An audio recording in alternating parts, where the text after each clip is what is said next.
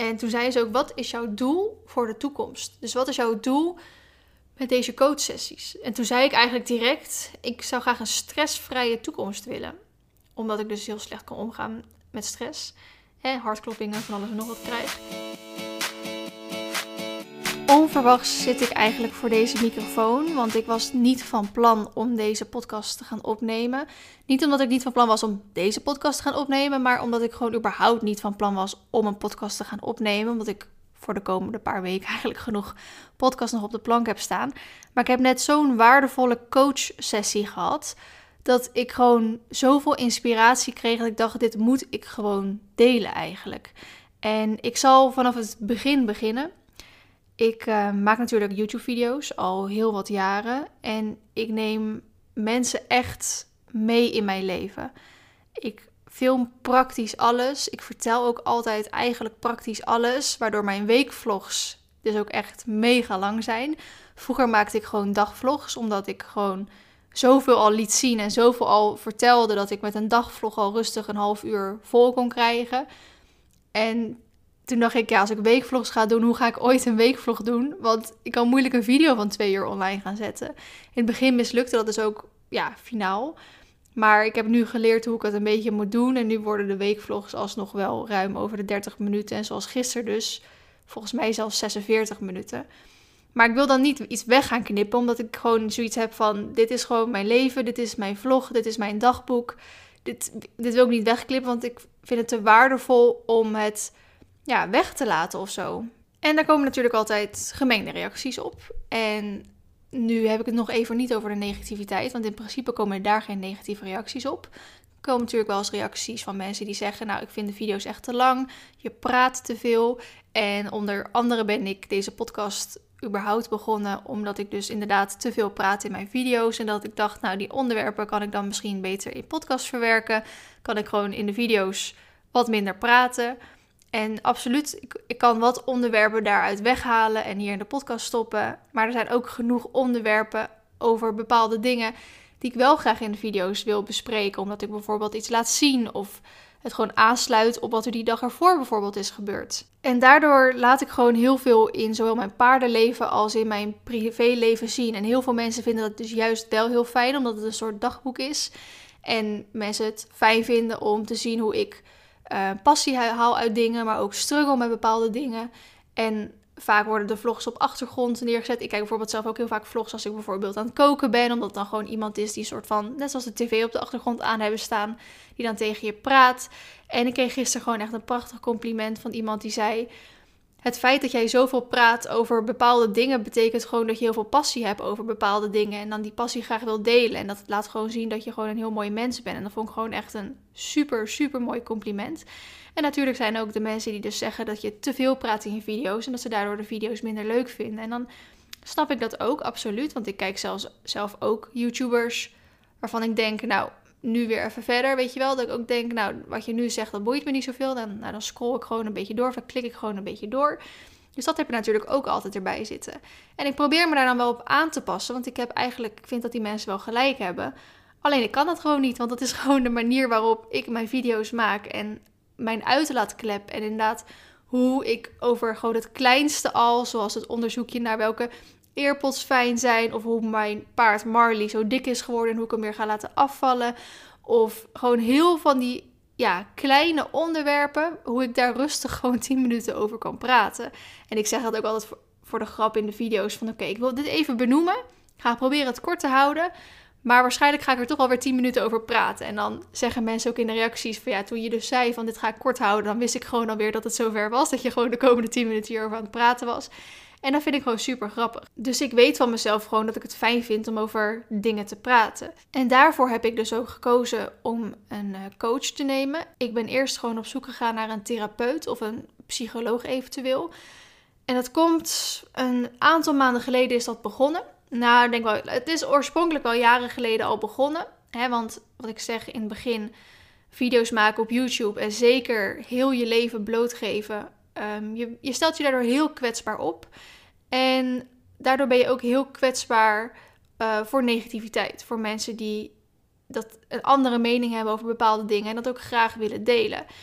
En nu noem ik het even negativiteit, want feedback of tips is iets anders. Het gaat puur over hoe je deze mening wil verkondigen en hoe je um, dit wil articuleren en hoe je dit ook wil bewoorden. Omdat ik gisteren dus een reactie van iemand kreeg, die dus, hè, dit vind ik dus niet onder negativiteit vallen, maar die zei dus van, nou ja, vrienden, um, dit is absoluut geen haat. En meestal als het al zo begint, dan weet je hoe laat het is. Maar goed, deze, dit dan nog een beetje een wending.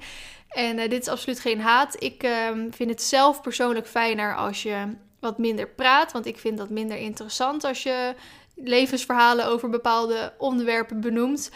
Um, dus ik scroll dan verder door. Dus ik wilde dat even gezegd hebben. Maar uh, vind nog steeds wel dat je supergoed bezig bent en ga zo door, weet je wel. En dat was gewoon ook, kwam, kwam ook van een jong iemand.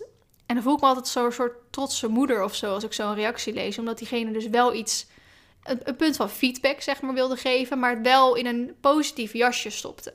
Want wat mijn probleem is, is dat ik een soort ideaalbeeld heb van de wereld. Waar we allemaal superleuk met elkaar omgaan en elkaar alleen maar complimentjes geven. En als, en als we elkaar dan feedback geven, want dat mag en dat moet natuurlijk soms ook. Dat we dat op een respectvolle manier doen. Alleen dat, zeker omdat ik mijn leven op YouTube zo openbaar deel, um, komt het ook wel eens echt in een negatieve zin. En ook echt in op een haatmanier. En echt dat je denkt, waarom moet dit op deze manier? En dat iemand je echt daarmee pijn kan doen. Nu heb ik in een uh, weekvlog van een aantal weken geleden heb ik dit benoemd. En ik wil er eigenlijk nu niet te diep meer op ingegaan, ingaan, want uh, die haatreactie heeft mij heel veel pijn gedaan. Ik ben daar echt een week lang gewoon echt, echt ziek van geweest. Gewoon misselijk, niet kunnen eten. Uh, op random momenten, als ik er weer aan dacht, gewoon in tranen uitbarsten. En dat heb ik toen uh, benoemd in een vlog. En dat was ook weer iets van, nou, daar wil ik kort op ingaan. En dat werd toen weer super lang. En daar werd toen natuurlijk ook weer negatief, tussen zowel positief als negatief op gereageerd. En nou, de positieve reacties waren natuurlijk heel erg fijn. Want wat ik zeg, ik ben iemand die graag wil delen en over dingen wil praten. En negativiteit hoort nou eenmaal ook bij het leven. Dus ik wilde ook graag even over negativiteit praten. Nou goed, daar heb ik toen heel veel lieve reacties op gekregen. Maar ik heb daar ook weer best wel veel negatieve reacties op gekregen. Als in, je verlaagt je nu tot diegene zijn niveau. Of je, je doet nu eigenlijk precies hetzelfde. En dat heeft me wel wat in laten zien. En tuurlijk, er is een verschil tussen geen aandacht aan iets geven en je kop in het zand steken. Maar het heeft me wel weer laten zien, ik moet echt stoppen met mezelf zo mee laten sleuren in die negativiteit. En inderdaad, ik verlaagde me tot diegene zijn niveau. En dat is natuurlijk iets wat ik echt niet wil. En ik heb ook in die weekvlog daarna, wat heel moeilijk voor mij was, want ik voelde me dus die week, nadat die video online is gekomen, voelde ik me zo ontzettend slecht. En ik heb ook heel die weekvlog, heb ik eigenlijk gewoon een lach op mijn gezicht gehad. Terwijl ik me zo slecht die week voelde. En ik wilde ook zo graag eigenlijk die video gewoon weer even hard offline zetten of de reacties uitschakelen. Maar dan dacht ik, nee, dan winnen diegenen die die nare reacties achterlaten. En ik heb daar met heel veel mensen over gehad en die zeiden ook allemaal nee. Gewoon inderdaad negeren, hoe moeilijk dat ook is. Dus ik heb toen in die weekvlog die daarna online kwam, heb ik een soort eet afgelegd. Heb ik er een soort grapje van gemaakt van... Bedankt voor al jullie lieve reacties vorige week. Maar ik heb ook wat aan de negatieve reacties gehad. En dat heeft mij tot, de, ja, tot het besluit gebracht dat ik ga stoppen met negativiteit uh, aandacht geven. Alleen nog maar focus op het positieve. En bij deze had ik een eet afgesloten. En heel veel mensen vonden dat heel knap, want die zeiden: Wat knap van je dat je die negativiteit achter je kan laten. Ik zou dat niet kunnen. Heel veel mensen zeiden ook van Vlien, wat maakt dat nou uit? Ons leven is ook niet perfect. Net zoals jouw leven, die is ook soms niet perfect. Negativiteit hoort bij het leven. Jouw weekvlogs zijn een soort dagboek. En als er iets vervelends gebeurt, schrijf je dat ook op in je dagboek. Dus dat is alleen maar heel menselijk. Dus dat vond ik natuurlijk ook wel weer heel erg lief. Maar ik blijf erbij dat ik inderdaad de negativiteit eigenlijk geen aandacht meer wil geven. En dat kan in verschillende vormen. Ik krijg wel eens een haatreactie onder een video. Dan zet ik dat bijvoorbeeld in een story. Van nou moet je nou eens zien wat we diegene voor onzin uitkraamt. Of ik krijg een na-reactie in een Instagram DM. Of ik krijg zelfs een haatpagina op Instagram. Dat iemand letterlijk gewoon een pagina had aangemaakt op Instagram. Dat heette Feline Doei.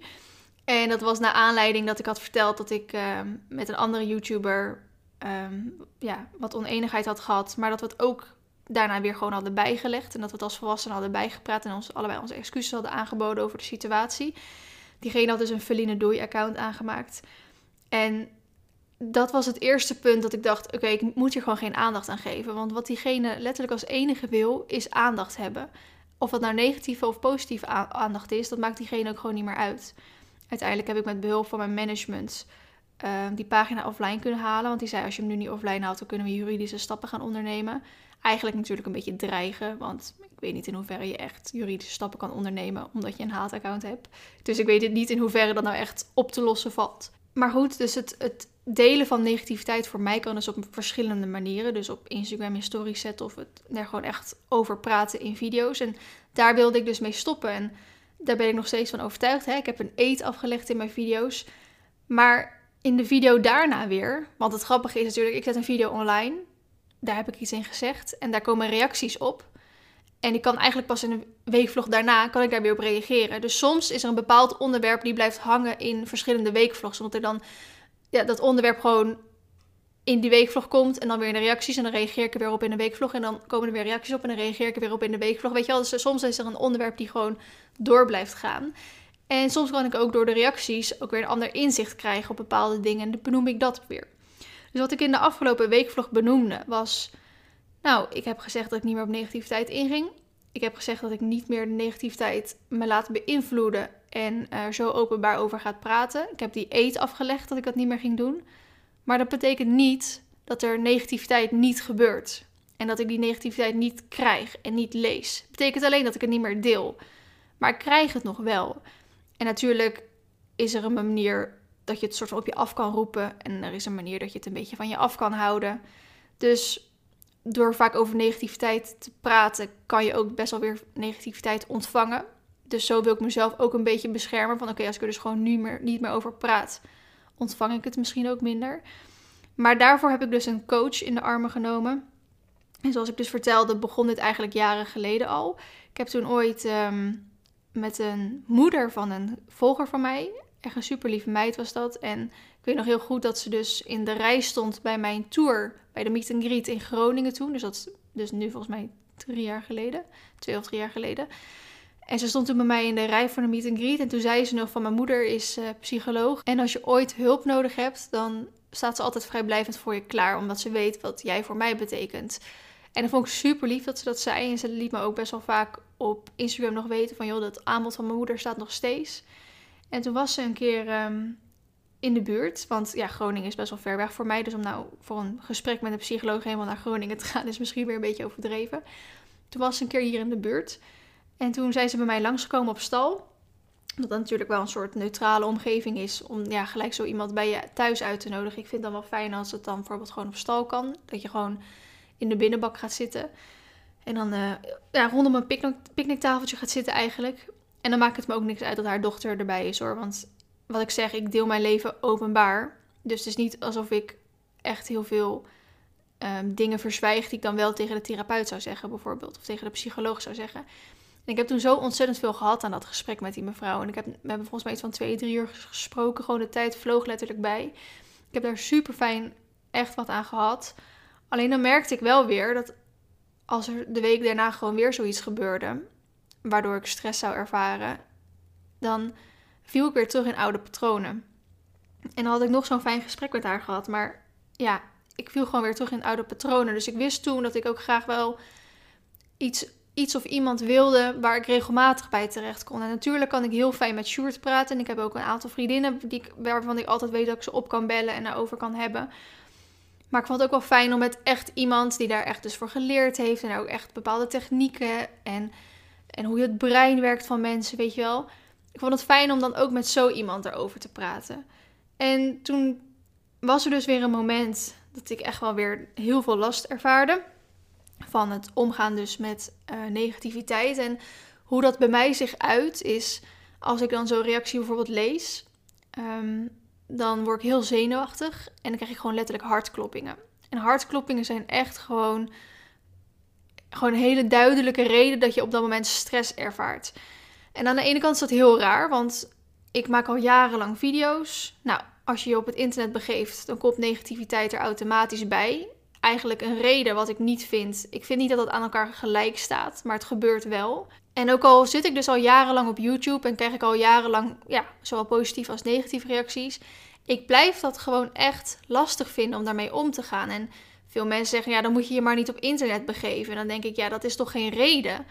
Dus ik weet gewoon dat ik ermee moet leren omgaan als ik zo'n reactie krijg. Of als ik negativiteit ervaar in verschillende manieren. Dus niet alleen een reactie, maar ook op andere manieren. Dus ik kan mij dat gewoon echt best wel aantrekken. Omdat ik, wat ik dus eerder zei, ik heb een soort ideaalbeeld van de wereld. Hoe, hoe we met z'n allen gewoon met respect met elkaar omgaan. Alleen dat kan natuurlijk gewoon echt niet. En als iemand een andere mening ergens over heeft, dan zou ik het liefste met diegene gewoon willen praten in een privébericht. En er dan uitkomen. En het vervelende daarvan is eigenlijk dat het me altijd lukte. Dus als ik een negatieve reactie kreeg, dan ging ik in een privéberichtje met diegene het er even over hebben. En dan kwamen we eigenlijk altijd gewoon, ja, als, als dat we gewoon samen weer door een deur heen konden. En dat ik haar begreep en dat zij mij begreep. En dat gewoon een miscommunicatie was. En ja, zo konden we het zeg maar altijd oplossen. Maar ik heb het nu een paar keer gehad dat ik dan zoiets met iemand aanga. En dat diegene gewoon niet open staat om het erover te hebben. En dan gaat het eigenlijk alleen maar van kwaad tot erger. En dat is dus ook de reden waarom ik me drie weken geleden gewoon een week lang echt ziek heb gevoeld over een negatieve reactie. En dat is niet per se de negatieve reactie zelf, maar omdat we er gewoon niet uit konden komen. Dat ik gewoon dat we niet de, soort van dezelfde mening konden krijgen. En dat is dus mijn fout, omdat het logisch is dat niet iedereen dezelfde mening kan krijgen. Want daarom zijn we allemaal mensen. Daarom leven we in een land met vrijheid van meningsuiting. Ehm, ik vind dan wel, soms als je een negatieve mening hebt, hoef je hem ook niet te uiten. Je kan het ook gewoon voor je houden. Als ik een keer negatief over iemand denk, dan denk ik, ja, ik kan diegene nu ook ja, in een zwart daglicht zetten. Of een negatief daglicht, of hoe je dat ook zegt. Door ja, negatief erop te gaan reageren. Dat kan ook natuurlijk weer verschillende manieren. Je kan echt een, als een soort haatreactie brengen. Maar je kan het ook echt als een soort feedback, opbouwende, respectvolle feedback brengen. Of je denkt gewoon, nou, laat maar zitten. dat denk ik meestal gewoon, nou, laat maar zitten. Maar dat was wel de reden voor mij om dus een aantal maanden geleden naar de huisarts te gaan. Mijn moeder zei dat, van nou, als je graag met iemand wil praten, mijn moeder is doktersassistente. Als je graag met iemand wil praten, ga dan even langs de huisarts, want dan kan je een doorverwijzing krijgen en dan wordt het ook nog eens vergoed. Dus ik dacht, top, dat is wel fijn, want psychologen of therapeuten, dat kan natuurlijk best wel eens wat kosten. En toen ben ik naar de huisarts gegaan en die, uh, nou, die wilde me een doorverwijzing geven, maar die zei, anders ga je eerst even langs de GGZ. Dat is ehm, ja, soort van de psycholoog binnen onze praktijk. En dan kunnen we kijken of zij je alvast kan helpen met bepaalde dingen, of dat het toch diepliggender is. En dat het dus ehm, ja, dat het een ander persoon nodig is om jou daarmee te helpen. Nou, toen ben ik inderdaad naar die GGZ gegaan en heb ik die. En ben ik twee gesprekken met haar uh, gaan doen. En dit heeft niet geholpen. Ik vond het een hele lieve vrouw, maar gewoon wat ze vertelde hielp mij niet. En ik had ook het idee eigenlijk met wat ze vertelde, dat wist ik al. En ik bleef maar terugdenken aan dat gesprek met die moeder van die volger uit Groningen. Wat ik toen zo, als zo erg positief ervaren heb. En ik ben natuurlijk zelf al best wel veel bezig met zelfontwikkeling, waardoor ja, gewoon eigenlijk de basisdingen die iemand tegen mij zegt, die weet ik eigenlijk allemaal al. Dus toen toch besloten inderdaad om een echte psycholoog of een echte therapeut te gaan zoeken. Ik heb volgens mij wel eens in een podcast al een aantal weken geleden hier ook al op ingegaan dat ik dus de stempel, volgens mij obsessieve compulsieve dwangstoornis of zoiets heb gekregen. En dat betekende eigenlijk dus dat ik inderdaad een soort ideaalbeeld van de wereld heb en zou willen dat iedereen hetzelfde overdacht. En als het dan niet zo gebeurt zoals ik het zou willen, dan hè, uit dat zich bij mij bijvoorbeeld in stress. En uh, ja, dwangstoornis heb je op verschillende manieren. Je kan dus die mensen hebben die dus zes keer gaan uh, controleren of ze het licht hebben uitgedaan, of tien keer gaan controleren of ze het gasfornuis hebben uitgedaan, of tien keer per dag hun tanden poetsen of hun handen wassen, of nou weet je, dat soort dingen dat je echt handelingen hebt. Um, ik had dat dus niet, maar het, ja, bij mij is dat dus mentaal. Dus de vrouw van de GGZ zei eigenlijk, nou ik heb wel een aantal mensen waar ik je naar kan doorverwijzen, maar wat misschien ook aan te raden is, is dat je zelf iemand gaat zoeken. Want vaak als je dus op een website van iemand komt en je leest iemand zijn verhaal of je belt even en je hoort diegene zijn stem, dan zegt dat ook al heel vaak wat. En dan kan je vaak al een beetje voelen bij wie je je thuis voelt. Nou, ik heb toen wat mensen op internet opgezocht, want ik wilde eigenlijk wel gewoon graag in Ede, dat ik daar gewoon lopend op de fiets of met de auto naartoe kon gaan. Ik wilde niet iemand waar ik gelijk een uur uh, naartoe moest. Ik had ook een heel lief berichtje van een net afgestudeerde jongen volgens mij in Rotterdam gekregen, die dus net afgestudeerd was in sportpsychologie volgens mij. En die wilde me ook wel graag helpen. Dus vond ik heel lief dat hij dat deed. Maar ja, dat was dus helemaal Rotterdam. En dacht ik, ja, ik wil, wat ik zeg, eigenlijk wel regelmatig met contact hebben eigenlijk. Omdat ik weer anders te snel terugval in die oude gewoontes. En om nou regelmatig naar Rotterdam te gaan. Het lukt me al niet om regelmatig langs mijn ouders te gaan. Die ook in de buurt van Rotterdam wonen. Dus ik wilde gewoon graag hier iemand in Ede. Toen ben ik eigenlijk gaan zoeken dus uh, naar iemand ja, die, die daarbij zou passen. En toen ben ik uiteindelijk bij iemand gekomen die doet coachen in de natuur. En die is dus ook geen psycholoog, die is ook geen therapeut. Maar maakt me ook niet zoveel uit wat voor diploma iemand heeft, wat voor stempel iemand heeft. Of ik wil gewoon iemand waarmee ik kan praten en die mij daarmee kan helpen dan. Um, omdat hij ervaring daarin heeft en daar ook dus voor geleerd heeft, diploma's voor gehaald heeft. Maakt niet uit wat voor diploma, als het maar een diploma is. Uh, of ervaring in ieder geval is. Um, om te helpen waar ik dus last mee heb. En waarom zij mij heel erg aansprak, dus de huidige coach die ik nu heb, is omdat zij dus coachen in de natuur deed. En dat betekent dus, want zij woonde dus heel dicht bij mij. Zij wandelde ook altijd in het gebied waar wij nu ook altijd ja, aan wonen en wandelen. Dan ga je dus, dus coach in de natuur of natuurcoach of, of stress- en loopbaancoaching is het. Ga je dus gewoon lekker een wandeling maken in de natuur. En dan ga je het erover hebben met, nou, waar heb je last van en hoe komt dat, nou, et cetera, et cetera. En eigenlijk die gedachte, dacht ik, dat is iets voor mij. Ik ben niet echt de persoon die dan op de stoel gaat zitten bij iemand in zijn praktijk. Word ik heel ongemakkelijk van. Kijk, als het moet, dan moet het hoor, dat niet. Maar weet je, ik vind het sowieso heel lastig om over mijn. Nou, ik vind het absoluut niet lastig om over mijn emoties te praten. Absoluut niet. Ik ben juist echt een open boek daarin. Maar ik vind het wel lastig als in, ik word er wel heel snel emotioneel bij. Dus als ik iets bespreek, waar, waar al heb ik het al tien keer besproken, al heb ik het al honderd keer besproken en ik bespreek het en het is nog steeds een soort van een, een punt in mij, wat niet soort van afgesloten is, kan ik er nog steeds gewoon over huilen. En als ik dan bij diegene in de praktijk zit en die therapeut, die kijk je zo doordringend aan, nou dan kan je gewoon tien pakken tissues naast me leggen, want ik heb ze gewoon nodig. Maar daarom sprak het me gewoon heel erg aan, omdat het dus een natuur wandeling is. En dan gewoon lekker praten. Want dat doe ik nu ook altijd. Hè? Op buitenrit met mensen praten. Of als ik met Sjoerd aan het wandelen met mensen praten. Of met mijn ouders. Of eigenlijk als ik de goede gesprekken heb ik bijna altijd op een wandeling. Of als ik in de auto zit met iemand. Omdat je dan, ja, in de auto zit is natuurlijk ook een soort wandeling. Hè? Je zit dan, maar je kijkt elkaar ook niet constant aan. En je ziet de omgeving om je heen veranderen. Dus dan, daar vinden eigenlijk mijn goede gesprekken altijd plaats. Nou, ik heb dus um, afspraak gemaakt met ehm, eerst een belafspraak, telefonische afspraak natuurlijk, in verband met uh, corona nu.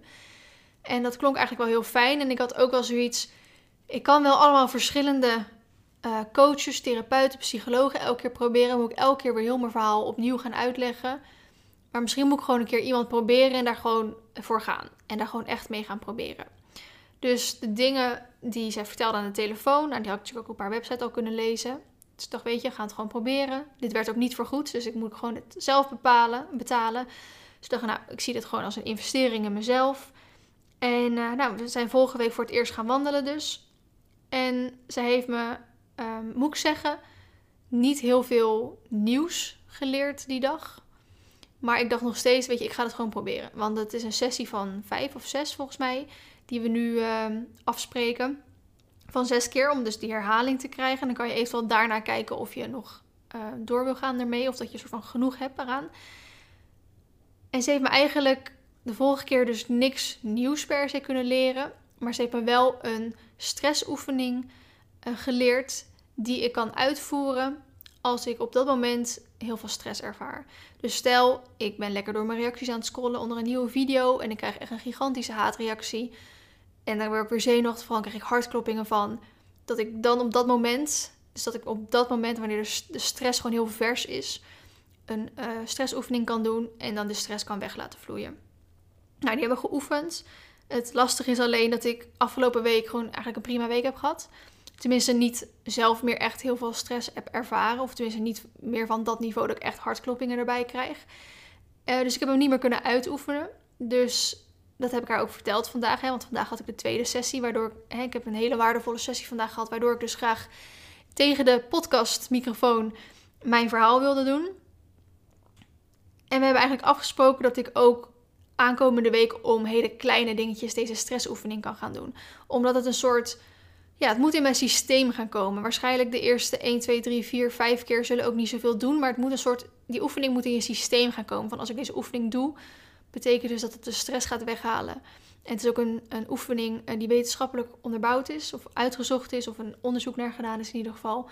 Dus ik moet hem aankomende week elke dag gaan uitvoeren. En dat kan echt om de kleinste dingen zijn. Het kan bijvoorbeeld ook, ze, ze noemde bijvoorbeeld op, joh, het wordt zomer, de muggen komen weer tevoorschijn en je bent geprikt door een mug. En dat vind je vervelend, weet je wel, dat je echt om zulke soort kleine dingen al die stressoefening kan gaan doen. Maar ik, ze heeft me dus ehm, een soort afbeelding uitgebeeld in het bos, dat ze van ging tekenen in het zand. En daar heb ik dus heel veel inspiratie vandaag uitgehaald. En daarom dacht ik, hier wil ik die podcast gaan opnemen. Nu zie ik wel dat ik al 26 minuten aan het praten ben over de inleiding om op dit stuk te komen. Ik dacht ook, dit wordt een hele korte podcast. Maar dit is weer precies eigenlijk wat ik bedoel. Dat ik denk, nou even snel dat opnemen. En ik ben gewoon weer super lang aan het praten. Maar ik vind dat wel fijn om toch al een beetje inleiding te geven. Dat jullie weten ook waarom ik een coach zoek. En um, niet alleen waarom ik er een zoek, maar ook wat ik hoop dat hij mij... Uh, ja, kan gaan helpen mee. Dus we gaan nu even naar hetgene toe. Ik heb dus uh, gevraagd aan haar of ik dit ook mocht opschrijven. Want ik dacht, ja, als ik straks thuis ben, dan ben ik natuurlijk alweer de helft vergeten. Ze maakte dus een tekening in het zand met uh, verschillende cirkels en wat letters erbij.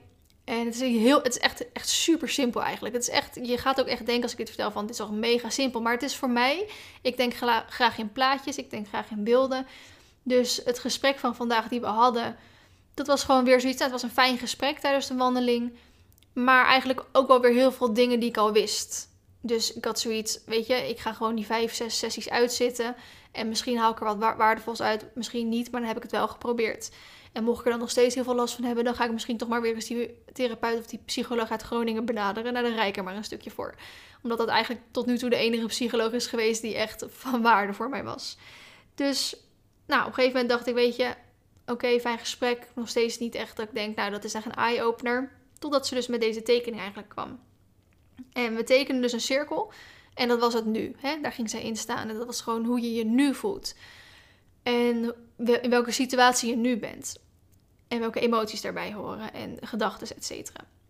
En dan tekenen we een eh, cirkel, nou, zo'n 3, 4 meter verderop. En dat is het doel waar je dus naartoe wil werken of waar je wil komen. Uh, na deze coachsessies. Dus waar je eigenlijk wil dat de coach jou mee kan helpen. Maar dat kan natuurlijk ook gewoon een doel zijn voor jezelf, zonder een eventuele coach erbij. Maar als je het dus lastig vindt om daar te komen en je hebt er hulp bij nodig, dan is natuurlijk zoiets aan te raden.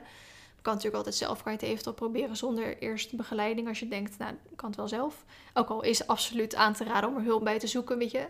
Dat is gewoon heel erg fijn en dat is ook helemaal niet gek of raar of zo. Of, het, is, het betekent niet als je hulp zoekt dat je dan anders bent. Het is juist goed en deel van je zelfontwikkeling als je erkent dat je hulp kan gebruiken. Dus, nou goed, we tekenen een cirkel een paar meter verderop. En dat was dus het doel voor de toekomst. En toen zei ze ook: wat is jouw doel voor de toekomst? Dus wat is jouw doel met deze coachsessies? En toen zei ik eigenlijk direct: ik zou graag een stressvrije toekomst willen. Omdat ik dus heel slecht kan omgaan met stress. Hè, hartkloppingen, van alles en nog wat krijg. En ik kan daar ook echt wel een beetje ziek van worden. En ik wist ook eigenlijk helemaal niet zo goed dat het altijd bij mij zo erg was. Ik heb ook vroeger weinig stress ervaren. Maar ik merk dus nu, omdat ik gewoon er heel hard voor werk om een stressvrij leven te krijgen. En eigenlijk hoe harder ik daarvoor werk. Want een stressvrij leven kan niet. Je hebt altijd tegenslagen. Maar ik probeer mijn toekomst wel zo te vormen dat ik gewoon een mooie toekomst krijg. Hè. Daar werk ik hard voor. Daar maak ik bepaalde keuzes voor. Um, en daarom ben ik ook eigenlijk heel blij met mijn leven die ik nu aan het leiden ben. Of aan het leiden klinkt dan weer zo raar, maar... Dus als ik dan een keer wel iets tegen zit, dan kan ik daar me best wel heel erg druk om maken eigenlijk. Dus hoe eigenlijk, een soort van perfecter wil ik het ook weer niet noemen, maar hoe mooier mijn toekomst wordt, omdat ik er zelf ehm, een aandeel in heb, omdat ik daar zelf bepaalde keuzes voor maak. Als er dan wel een keer iets tegen zit, dan kan ik me dat heel erg aantrekken. Dus ik zei, ik zou graag een stressvrije toekomst willen. En toen zei ze, nou dat is een hele mooie, maar dat is wel te groot. dat is wel een hele zware voor mij als ik jou een volledig stressvrije toekomst zou willen. Want stressvrij is natuurlijk niet alleen maar om kunnen gaan met negativiteit. Stressvrij kan ook zijn uh, financiële vrijheid. Of uh, altijd gezond zijn. Weet je wel, dat zijn niet dingen die je per se altijd in de hand hebt. Zeker het altijd gezond kunnen zijn. Dus, oké, we hadden hem even een beetje afgebakend. Dus voor mij zou dat zijn op dit moment om kunnen gaan met negativiteit. Dat is mijn doel, hoe ik, wat ik graag zou willen leren uh, na deze coachsessies en in deze coachsessies. Dus aan de linkerkant schreef ze een H van helpen. Dus we gingen allemaal dingen benoemen met wat helpen mij om dat pad te bewandelen. Want we zullen een paar stapjes naar voren gaan, maar we zullen ook af en toe een keer een stapje naar achter gaan. En je zal, um, ja, je zal vooruit gaan Maar er zullen ook uh, belemmeringen komen. En we moeten even kijken hoe we dus bij dat stapje gaan komen. Dus wat zijn op dit moment dingen die jou helpen om stapjes dichter bij dat doel te komen? Nou, zoals ik al aangegeven heb, is praten voor mij echt een, hele grote punt, een heel groot punt om met wat voor vorm van negativiteit om te gaan. Maar niet eens negativiteit. Ik deel gewoon heel graag dingen. Dat heb ik natuurlijk nu al een paar keer duidelijk gemaakt. Zowel in de weekvlogs als in deze podcast. Ik deel gewoon heel graag dingen. Eh, dus voor mij werkt het extreem om erover te praten. Dat werkt echt het allerbeste. En ook als allereerste werkt dat gewoon heel goed. Ik kan daar heel veel verschillende um, voorbeelden voor geven. Uh, daar gaan komen we straks nog wel wat uh, komen we nog straks wel op terug. En wat voor mij ook heel erg werkt, is als ik iets negatiefs lees, om dan ook daarna weer wat positieve dingen te lezen. Het is gewoon heel jammer eigenlijk dat ons, ons brein zo werkt dat als je 500 positieve reacties krijgt en je krijgt één negatieve, dat die ene negatieve blijft hangen. En de rest eigenlijk niet. Je leest ze wel, maar die negatieve die blijft hangen. En dat is gewoon heel erg jammer. Dus misschien is, is het ook wel een vorm van erkenning. Of um, hè, als ik negativiteit deel, in, of ik het nou bespreek in mijn video's. Of ik laat een screenshot ervan zien in mijn Insta-stories. Dat mensen daar dan weer op reageren. Van joh, je moet je er niet van aantrekken. En ook al is dat heel moeilijk, je doet het super goed. Je hebt het beste voor met je paarden.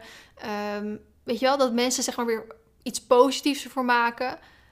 Dat is, dat is een soort bevestiging voor mij. Dat, dat het dan toch, dat ik het wel goed doe. En dat die negatieve reactie nergens op sloeg. Het is jammer dat het nodig is. En ik wil er ook aan werken dat het dus niet meer nodig is. Maar dat helpt mij ook om op dat punt te komen om dus weer positieve feedback te krijgen. En dat kan doordat ik, doordat ik gewoon weer lieve reacties krijg of met mensen praat of hè, gewoon positiviteit. Gewoon maakt niet uit in wat voor vorm. Al zegt iemand, dan zit je haar leuk of heb je leuke schoenen, maakt niet uit. Gewoon weer positiviteit krijgen. vervolgens als derde werkt voor mij heel erg afleiding. Ik zoek eigenlijk per direct afleiding. En gelukkig heb ik ook al best wel veel afleiding met de paarden natuurlijk. Dus um, ik vind buitenrijden met een goede vriendin, waar ik het dan ook eventueel nog over kan hebben. Want dan ga ik weer praten met diegene tijdens een buitenritje. Dat is dan weer afleiding voor mij. Of een video editen is afleiding. Een Netflix-serie kijken is afleiding. Een YouTube-video kijken is afleiding. Gewoon een wandeling is afleiding. Maakt echt niks uit. Als ik maar eigenlijk afleiding heb. En het liefste zo lang mogelijk afleiding totdat het een beetje afgezakt is. Want dan komen we bij het vierde en dat is tijd. Tijd is heel erg belangrijk uh, om met negativiteit voor mij dan, hè, want bij mij is dat het punt, um, om te gaan. Want tijd, um, ze benoemde drie dingen. Je, hebt, je krijgt namelijk een stressreactie als je het, hetgene ervaart waar jij dus stress van krijgt. Nou, bij mij is dat dan negativiteit. Um, je je, er zijn drie verschillende stressreacties. Je hebt vechten, verstijven en vluchten. Je hebt dus mensen die in de aanval gaan, hè, die kunnen zich aangevallen voelen en die gaan in strijdmodus. Je hebt verstijven, mensen die een soort ja, bevriezen en niet zo goed meer weten wat ze moeten doen. En je hebt dus vluchten, je rent er dus voor weg. Je kan, als je een nare situatie is, dat je er voor wegloopt. Um, ik ben dus de iemand inderdaad die gaat strijden, die dus in vechtmodus gaat. Omdat als ik een reactie lees, waarvan ik denk dat is ook gewoon niet waar. Dat diegene, diegene geeft een negatieve reactie, dus een haatreactie. En wat diegene zegt, dat klopt ook gewoon niet. En dan wil ik me gelijk eigenlijk halen. En dan wil ik dus in een soort vechtmodus gaan. En ook zeggen dus dat diegene ongelijk heeft. En dan liefst natuurlijk ook nog dat diegene zegt: Oh ja, je hebt toch gelijk, het spijt me. Dat zou natuurlijk perfecte uitkomst zijn, maar dat, zo werkt het leven gewoon helaas niet. Dus wat ik nu vaak doe, is ik lees het. Ik verwijder het heel veel. En dat kan dus een beetje kop in het zand zijn. Of hè, maar ik vind eigenlijk gewoon. Ik lees best wel veel reacties omdat ik graag op mensen wil reageren. Ik wil de mensen die positieve reacties geven, wil ik belonen daarmee. Om door, door dus op te reageren. Want ja, het is heel makkelijk om al die positieve reacties te lezen. En als je dan een negatieve reacties leest, dan ga je daar opeens op reageren. En op de positieve reacties reageer je niet. Dat is niet helemaal eerlijk eigenlijk voor de mensen die wel positiviteit delen. Dus wat ik doe als ik dus een negatieve reactie lees, ik verwijder het heel vaak omdat ik dus als ik door de positieve reacties heen scroll om daarop te reageren, heb ik niet zoveel zin om telkens weer die negatieve reactie uh, voorbij te zien komen. En het andere is dat ik het eigenlijk even moet wegleggen. Even iets anders moet doen. Hè? Afleiding zoeken, nachtje over slapen, wat dan ook. Dan kan ik er even over nadenken. Wat doet het met me? Hoe wil ik hierop reageren? Want normaal gesproken zou ik in vechtmodus gaan. Dan wil ik er dus direct op reageren. En dan komt er ook een niet zo aardige reactie uit. Dan ga je dus negatief tegen negatief aanbotsen. Normaal gesproken wordt negatief negatief positief, maar niet in dit geval. En het is veel handiger als je juist even het bezinkt en het eigenlijk als een soort feedback-achtig punt positief probeert terug te werken. He, terug te reageren van: oké, ehm, jij vindt dit en dat respecteer ik, maar ik uh, zie het op deze manier. En dat is ook prima. Weet je wel, dat je het op zo'n manier ervaart. En dat je niet gelijk van denkt, maar je bent zelf dom. Of je, je kan zelf niet paardrijden. Of uh, weet je wel, dat je gelijk... Ik kan ook wel heel veel erge reacties gaan benoemen, maar dat doen we maar even niet. Ik wil het graag wel een beetje luchtig houden. Um, dus als je jezelf wat tijd geeft en een nachtje erover slaapt, dan is het natuurlijk ook alweer anders. En de tijd is ook... Kijk, ik kan die dag kan ik er heel erg druk om maken. De volgende dag kan ik er nog een beetje druk om maken. Maar een week later denk ik ook van, pff, maakte ik me nou daar druk om? Waarom heb ik daar mijn energie aan verspild? Dus tijd is bij mij het vierde punt eigenlijk dus van ehm, wat mij helpt om bij dat doel te komen. Wat ook een punt is, is relativeren. Ehm, en relativeren, dat kwam voort vanuit eigenlijk bedenken met waarom maak ik me hier zo druk om? En uh, dat kan op heel veel verschillende manieren. Relativeren is ook heel erg breed. Maar eigenlijk de, het punt wat ik benoemde. Ik was eigenlijk vorige week heel gelukkig. Als in, met mijn paarden ging het allemaal goed. Hè? Met Marley is op dit moment alleen wel een beetje obesitas, maar Marley is gezond. um, Olympus gaat de goede kant op. En nou goed, binnen een maand weten we natuurlijk pas echt hoe het helemaal gaat. Maar goed, voor nu gaat hij de goede kant op. Met Arena gaat het eindelijk weer een beetje beter. Na eigenlijk maanden dat, het, dat we echt in een neerwaartse spiraal zaten, gaat het nu eindelijk weer een beetje beter tussen ons. Nou, mijn relatie gaat goed. Ehm, we zijn natuurlijk lekker bezig met de huizenzoektocht. We blijken ook eigenlijk een huis gevonden te hebben dat het echt wel kan gaan worden. Ehm, eigenlijk, ik ben gezond, weet je wel. Het is lekker weer buiten. Ik voelde me best wel gelukkig gewoon. Maar tegelijkertijd, dat een hele goede vriendin van mij, Esme, die jullie natuurlijk ook kennen als je deze podcast luistert. Met haar ging het helemaal niet goed. Ik moet zeggen dat ik ook nu letterlijk een beetje ja, soort emotioneel word als ik dan over haar situatie wil gaan praten. Omdat ik me bijna schuldig voelde dat ik zo gelukkig was. Ehm, en dan niet. Oké, ik moet het even wel in de juiste woorden zeggen. Maar ik heb Esme hier om, toe, eh, om, uh, om uh, toestemming voor gevraagd. Omdat het wel heel persoonlijk is wat ik nu ga zeggen. nou, Esme, jullie kennen Esme. Ik hoef gewoon geen introductie te geven als jullie, als jullie deze podcast luisteren. Jullie weten hoe enthousiast ze altijd over allemaal dingen is.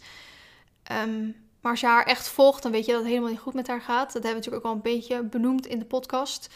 Maar eigenlijk sinds afgelopen weekend um, heeft ze heel, hele heftige dingen meegemaakt. Als in, ze was overspannen. Hè, dat hebben we een paar weken geleden in de podcast, of vorige week of die week ervoor, hebben we dat benoemd. Tenminste, voor mij nu een week geleden. Het is vandaag 6 mei dat ik deze podcast opneem. En Esmee is overspannen. Dat heeft natuurlijk meerdere redenen. Een van die redenen is dat er een paar maanden geleden kanker bij haar moeder is geconstateerd. Daar best wel, uh, het was geen standaard kanker. Het bleek best wel heftig te zijn. Hij heftige operatie gehad. Gelukkig goed gegaan. Nou, haar moeder is echt haar alles. Dus um, ze is overspannen geraakt. Een soort van burn-out ook. Waardoor ze al een tijdje thuis zat. En ja, wat je, wat, wat je gewoon moet doen als je overspannen bent of een burn-out hebt, is gewoon heel veel rust hebben. En nou, die rust duurde, hè, dat vond ze lastig om die rust te vinden. En ik, wil, ik hoop gewoon dat ik het goed uitleg nu, omdat het over iemand anders gaat. Uh, en ik daar gewoon met een respectvol natuurlijk wel om wil gaan. Maar uh, nou, eigenlijk op het moment dat ze dacht, nou volgende week kan ik wel weer een paar dagen beginnen met werken. Toen op vrijdagavond, nee vrijdagmiddag trouwens, had haar moeder de allereerste chemo gekregen. Dus dat is natuurlijk een hele spannende situatie. Dat was afgelopen vrijdagmiddag. En vrijdagavond verbrak haar relatie. Wat ze eigenlijk niet echt had aanzien komen. Ehm, haar vriend maakte het uit na zes jaar. En ze woonden volgens mij al vier of vijf jaar samen. Dus dat is echt heel heftig natuurlijk als dat in één keer gebeurt. Dus ze uh, is eigenlijk weer thuis gaan wonen. Wat natuurlijk ook best heftig is. Want ja, je moeder heeft uh, kanker. Dus dat is natuurlijk thuis ook best wel heftig. En wat eigenlijk gewoon nog, het, nog erg was, was... Hè, iemand gebeurt al deze dingen tegelijkertijd. En dan denk je, hoe is het mogelijk? dat dit gewoon allemaal tegelijkertijd bij één iemand gebeurt die dat absoluut gewoon niet verdient. Esmee is zo'n lief persoon. Die denkt ook altijd aan anderen en zit altijd met iedereen het beste voor. Denk, hoe kan het dan dat iemand dit allemaal over zich heen krijgt? En wat eigenlijk dus het erge was, is dat wij op zaterdagavond eh, hadden we, waren we aan het eten bij een goede vriendin van Esmee. Hè? Lekker afleiding, het was echt gezellig. Ook met die ouders van de, haar erbij, uh, van die vriendin. En ze had lekker paard gereden en dat was gewoon echt gezellig, lachen, gieren, brullen, weet je wel. En um, Esmee zegt, mijn moeder appt mij of ze jouw nummer mag. Dus ze zegt, vind je dat goed? Ik zei, oh ja hoor, tuurlijk. Dus ik dacht eigenlijk dat haar moeder, mm, want die belde mij dus ook vlak daarna, terwijl ik naast Esmee zat. En ik dacht ook van, hey, hoezo belt haar moeder mij? Dus ik dacht eigenlijk dat ze gewoon even wilde polsen met, hoe gaat het met Esmee? Hoe gaat het echt met haar? Want ik kan wel vragen hoe het met haar gaat, maar jij bent bijder. Jij zal wel echt weten hoe het met haar gaat. Dus ik had eigenlijk verwacht dat ze dat ging vragen. En wat ze eigenlijk toen dus vertelde, dat had ik zelf ook echt niet zien aankomen, is dat Esme er oma op sterven lag. En ik wist wel dat al de afgelopen jaren het niet goed ging met haar oma. En dat ze echt wel een paar keer in het hospice had gelegen. En dat, dan kwam ze er weer uit en dan, het ging echt op en af. En echt op zo'n punt dat je denkt, Esme heeft alles al tegenzit op dit moment. Uh, belde haar moeder dus, ja, Esme, haar oma ligt op sterven. En haar oma betekent ook alles voor haar. Ze hebben ook een tatoeage van haar. Dus ja, ik weet gewoon niet zo goed. Ik wil niet tegen Esme liegen, maar uh, ze heeft, zit natuurlijk nu al een nare situatie. Dus ik wil ook niet um, eigenlijk ja, dat weer verpesten, want jullie hebben lekker afleiding. Maar ik kan niet tegen haar liegen, dus eigenlijk moet ze gewoon direct nu naar huis komen. En ik wil eigenlijk heel vragen of jij dat wil doen. Want als, je, als we dit aan Esme vertellen, kan ze gewoon echt niet meer ja, autorijden natuurlijk. Want ja, dat snappen jullie wel. Um, nou goed, dus haar moeder vertelde dat aan Esme. En Esme was natuurlijk, ja, ik denk dat jullie zelf ook wel kunnen inbeelden met hoe dat ging. Uh, dus nou, zijn we Esme hebben thuisgebracht. En ik vind het zo bizar hoe, zeg maar, Esme dit doet. En hoe, kijk, tuurlijk, ze heeft verdriet. Tuurlijk, ze zit er doorheen. En tuurlijk, ze huilt. En weet je wel, slaapt ze slecht. Maar dat zijn hartstikke normale dingen als zulke soort dingen gebeuren. Maar dan, dan vind ik zo knap hoe je, zeg maar, zo sterk kan zijn Um, dat je dit allemaal tegelijkertijd moet hebben. Um, en dat je dan hè, natuurlijk gewoon nog steeds doorgaat. En ik merkte ook, ik reed dan achter Esmee aan, want die vriendin van haar waren, waar we toen bij waren, die reed met haar auto naar huis toe. En ik reed achter, met mijn auto erachteraan. En ik had zoiets, oké, wat is er net gebeurd? En ik ging ook gelijk mensen, hè, een goede vriendin van mij, bellen, die Esmee wel kent, maar niet persoonlijk kent volgens mij. En ik zei, ik moet gewoon van me afpraten. Hè? Daar komt dan weer dat over dat als ik in een stressvolle reactie zit, dan moet ik gewoon praten. En op dat moment zit ik in mijn eentje in de auto. En ja, Sjoerd kon ik niet bellen, want die zat op zee. Dus dan moet ik met iemand praten. En dat vond ik zo knap, zeg maar, dat zij... Hoe ze daarmee omgaat. En daar neem ik dan natuurlijk weer een voorbeeld aan. En dat kwam natuurlijk vanuit het relativeren. Dat ik dus vertelde, ja, eigenlijk voelde ik me op dat moment heel gelukkig. Hè, omdat alles goed ging. Um, maar dan zo zie je ook weer met hoe iemand waar alles eigenlijk fout gaat op dat moment, nog steeds zo sterk in het leven kan blijven staan. En dat neem ik dan vaak als voorbeeld, omdat ik dan, als ik nu weer een negatieve reactie lees, kan ik me daar dus echt dus een week ziek van voelen. En dan denk ik weer van ja, maar wat, hoe staat een negatieve reactie nou in verhouding met wat mijn beste vriendin meemaakt, weet je wel? Dus dan kan ik me, door te relativeren, kan ik me dat ook weer sneller achter me laten. En nu is het natuurlijk ook wel zo dat gebeurt bij Esme. En ik heb mijn eigen leven en dit gebeurt bij mij. Dus ik mag me daar ook slecht om voelen. Want het gebeurt bij mij. Hè, dat is hetzelfde als je hè, altijd zegt. Ik denk dat iedereen die uitspraak wel kent. Ik zeg ik heb honger. En dat je zegt kinderen in Afrika die hebben honger. Weet je wel? Het is niet omdat iemand anders het nog slechter heeft dan jij. Dat jij dan maar niet mag klagen. Kijk, sommige situaties misschien wel. Maar niet zeker niet alle situaties.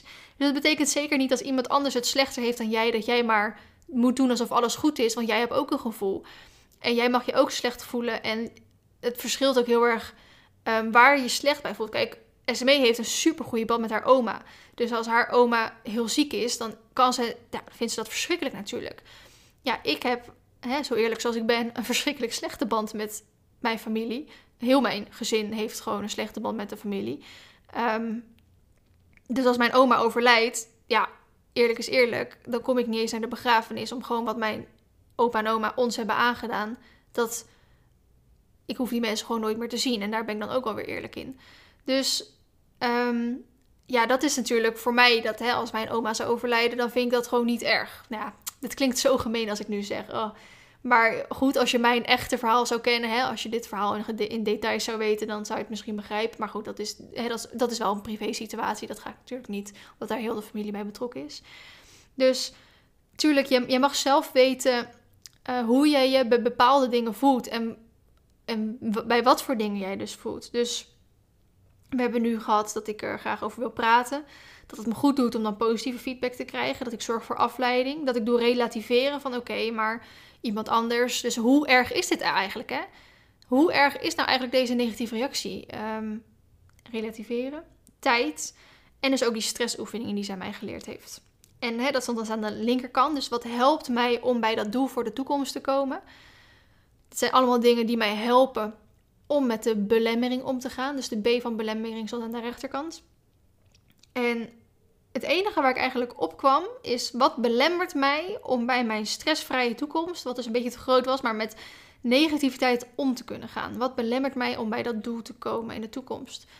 Het enige eigenlijk wat bij mij erop kwam was dus negativiteit. Dat is het enige eigenlijk negativiteit waar ik me druk om kan maken, waar ik stress om kan krijgen. Ehm, in verschillende maten. Hè? Want wat het lastige is, dat vertelde ze, maar ik weet niet precies hoe dat werkt. Je hebt natuurlijk een linker en een rechter hersenhelft. En de ene die werkt emotioneel en de andere werkt volgens mij rationeel. Ik bind me daar alsjeblieft niet op vast, ik weet niet precies hoe het zit. Ehm, als ik een negatieve reactie lees, dan kan ik wel met mijn ene hersenhelft, hè, mijn rationele hersenhelft, kan ik wel zeggen: joh, trek het je niet aan. Um, niet meer lezen of verwijderen of niet op reageren of wat dan ook. En focus je op het positieve en gewoon weer doorgaan. Hup, kom op. Maar mijn emotionele hersenhelft, ja, dat is mijn gevoel. En mijn, mijn hersenen, hè, mijn ene deel kan wel zeggen, gewoon weer doorgaan. Maar mijn gevoel, dat kan je niet zeggen. Hè, ik kan niet tegen mijn gevoel zeggen van kom, niet zo moeilijk doen en gewoon weer doorgaan. En dat betekent eigenlijk dat dus je linker en je, hersen, en je rechter hersenhelft niet in verbinding staan. En dat, um, dat is de bedoeling dat het dat wel weer gebeurt. En dat kan bijvoorbeeld door um, ja, stressvrij te zijn, dus ontspannen, dus of stressoefeningen te doen of afleiding te zorgen. Of, hè, dus dingen die aan de linkerkant, dus aan de helpkant staan te doen, om dus je hersenhelft een soort van weer één te laten worden. Voor mij stond er dus maar één punt aan de rechterkant onder belemmering. En dat was negativiteit. En ze zei, hè, omdat we het dus uitgetekend hadden, ik heb eerder gezegd, ik denk in plaatjes. Ik heb dus letterlijk gewoon 1, 2, 3, 4, 5, 6 dingen eigenlijk aan de hulpkant staan. En maar één ding aan de belemmeringkant staan. En dat is eigenlijk heel mooi om dus te zien dat je maar één ding hebt waar we eigenlijk aan werken. En misschien komen we in de komende coaches nog, naar nog een paar dingen tegen die we aan de rechterkant kunnen zetten en die we kunnen helpen. Maar er zijn ook mensen die niet zo goed weten wat hun helpt. Dus die misschien bijvoorbeeld maar twee dingen aan die kant hebben staan.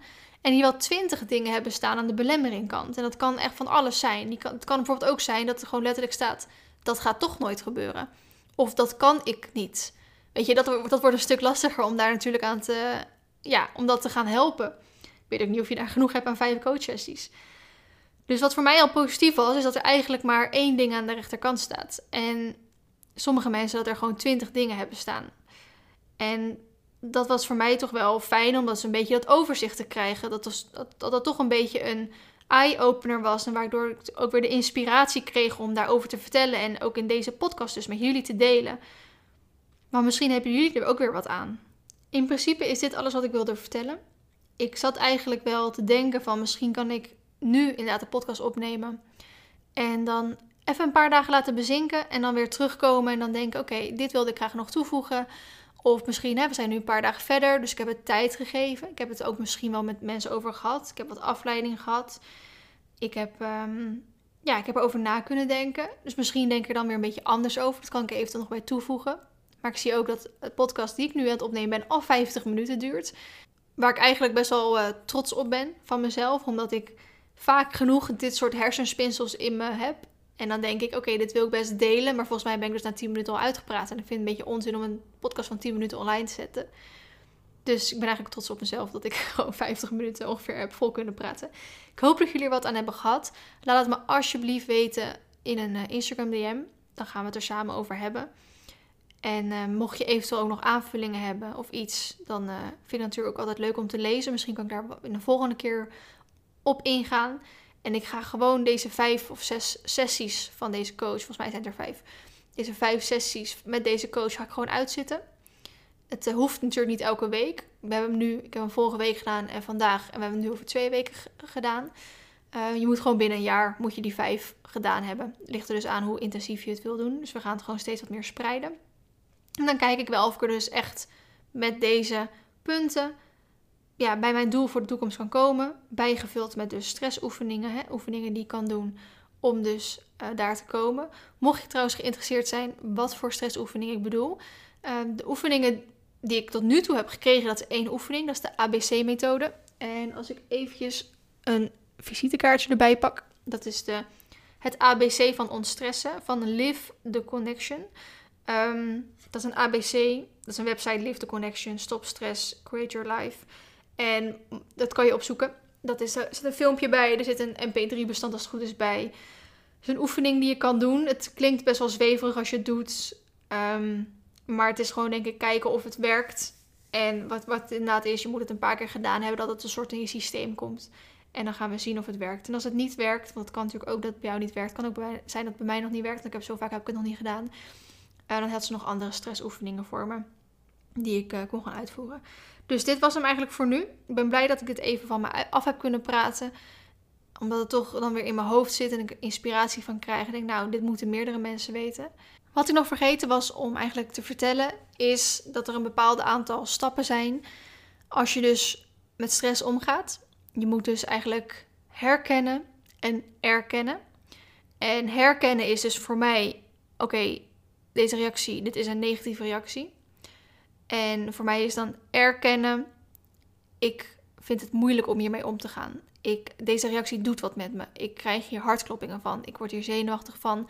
Of misschien in mindere mate gewoon van deze reactie blijft mij bij. Dus ik erken eerst, of ik herken eerst dat het negativiteit is. En ik erken daarna dat het iets met me doet. En eigenlijk is dat al de helft van het werk. Als je al gewoon um, erkent, dus dat het iets met je doet. In plaats van het wegstoppen of het negeren. Dat doen natuurlijk ook veel mensen. Die willen er niks van afweten, dus die negeren het maar. Maar het is al de helft van het werk als je het dus erkent. En het is heel lastig, want je wilt het niet erkennen. Je wilt het juist negeren. Je wilt je kop in het zand steken. Maar het is al het helft van het werk als je herkent en erkent. En vervolgens is het dus een stappenplan met hoe, wat ga je doen om ermee dus om te gaan. Dus je kan zo'n soort doel maken zoals ik heb gedaan. En dus aan de linkerkant de H en aan de rechterkant de B. De H van hulp en de B van belemmering. En dan ga je, dat kan je dus voor jezelf doen. Maar het is ook helemaal niet raar om dus hulp te zoeken. En ik heb juist heel veel positiviteit gekregen, omdat ik dus heb gezegd dat ik hulp ga zoeken om, ja, dat iemand mij kan helpen om hoe ik hiermee om moet gaan. Want het lukt me niet in mijn eentje. Het lukt me niet in mijn eentje en met de mensen die ik al om me heen had, om hiermee om te gaan. Dus het is dan juist fijn en knap en goed en herkenning en erkenning als je dus besluit voor jezelf om hulp te zoeken, um, hoe je hier wel mee om kan gaan. Dus dat wilde ik nog eventjes toevoegen. Dat als je herkent en erkent, dat al de helft van het werk is. En dat je eigenlijk gewoon al heel goed bezig bent. Dat je zelf al heel goed bezig bent met zelfontwikkeling, zelfontplooiing. Dat je in jezelf wil investeren door eigenlijk een betere versie van jezelf te zijn. En ja, als je daar hulp bij nodig hebt, is dat niks meer dan normaal. En is dat eigenlijk alleen maar juist heel knap van je. Ik had natuurlijk gezegd dat ik misschien over een tijdje nog een stukje erachteraan zou plakken met hoe ik er dan over dacht. Ondertussen zijn we volgens mij dus twee weken verder. Het is vandaag 20 mei. En ik denk er inderdaad niet per se heel erg anders over. Maar ik heb ook alweer wat dingen geleerd. Waarvan ik dacht: oké, dat vind ik nog wel belangrijk om erbij toe te voegen. Ik heb namelijk net weer een coach-sessie gehad. En heb weer met mijn coach erover gehad. En wat dus gewoon heel erg voor mij heeft gewerkt, is om toch al de dingen die voor mij helpen, om dat op een rijtje te plaatsen. En elke keer als ik dan op een bepaalde manier weer stress ervaar, dan is het gewoon heel makkelijk om dus voor mij dus met iemand over te praten. Of dus afleiding te zoeken. En een nachtje erover te slapen, tijd te geven, maar ook het relativeren van joh, uiteindelijk is het niet super erg. En weer schouders onder en weer doorgaan. En dat heeft voor mij heel erg gewerkt. Maar wat ik ook heel erg heb geleerd, want volgens mij ongeveer anderhalve week geleden kreeg ik ook wel weer twee best wel gekke reacties die gewoon oprecht nergens op sloegen. En daar ga ik dus nu niet te diep op in. Maar die gewoon echt, wat, diegene zei, dat klopte gewoon niet. Gewoon, het was gewoon onzin wat ze zeg maar zeiden, waar ze voor me beschuldigd, om het zo te zeggen. Uh, die had gewoon niet zijn feiten op een, op, op een rijtje. En dat kwam er bij allebei echt wel op een haatmanier uit. En dan denk ik, op dat moment wilde ik super graag reageren erop. Omdat ik ze gewoon even wilde duidelijk maken dat wat ze zeiden gewoon niet waar was. En aan de andere kant dacht ik, nee, want ik wil eigenlijk niet meer op die negativiteit ingaan. En eigenlijk vooral omdat, weet je, ik doe zoveel goeds eigenlijk. Ik doe zoveel goede dingen in het leven en voor de paarden. Dat als jij alleen het negatieve kan zien met wat ik doe, want ook ik maak fouten en ook ik maak wel eens een keer de verkeerde keuze. Als je me dan alleen pakt op wat fout gaat en niet kijkt naar alle goede dingen die ik doe, dan ben je het ook niet waard om dan wel mijn energie en tijd in te steken om je te laten zien dat je het fout hebt. En ook al zou ik dat heel graag willen doen, dan denk ik nee. Als jij al zo in het leven staat dat je alleen maar naar de negatieve aspecten kan kijken of alleen maar naar de dingen kan kijken die iemand fout doet, dan heb ik gewoon al geen zin om met je in discussie te gaan en dan laat ik het ook daarbij. Dus dat heb ik er in ieder geval geleerd. En het tweede wat ik ervan geleerd heb, is dat ik misschien een soort licht traumaatje heb overgehouden aan wat er is gebeurd, aan alle negativiteit op een gegeven moment onder één video kwam. En dat ik op een gegeven moment ook een beetje ga ontwijken, maar ook dingen die mm, een soort van ermee te maken hebben. Dus voordat ik de reacties open of Ehm, de website voorbij zie komen met waar het oorspronkelijk allemaal begon. Gewoon die naam voorbij zie komen. Dat ik toch wel een heel zenuwachtig gevoel krijg. En dat is dus een soort ja, klein traumaatje wat je eraan over hebt gehouden. En nu denk ik inderdaad, oké, als ik nu, als ik toen wist wat ik nu weet, dan was ik niet op diegene ingegaan. Omdat ik denk, oké, die kan echt puur alleen maar naar de negativiteit kijken. Die laat zich er ook nog over uit.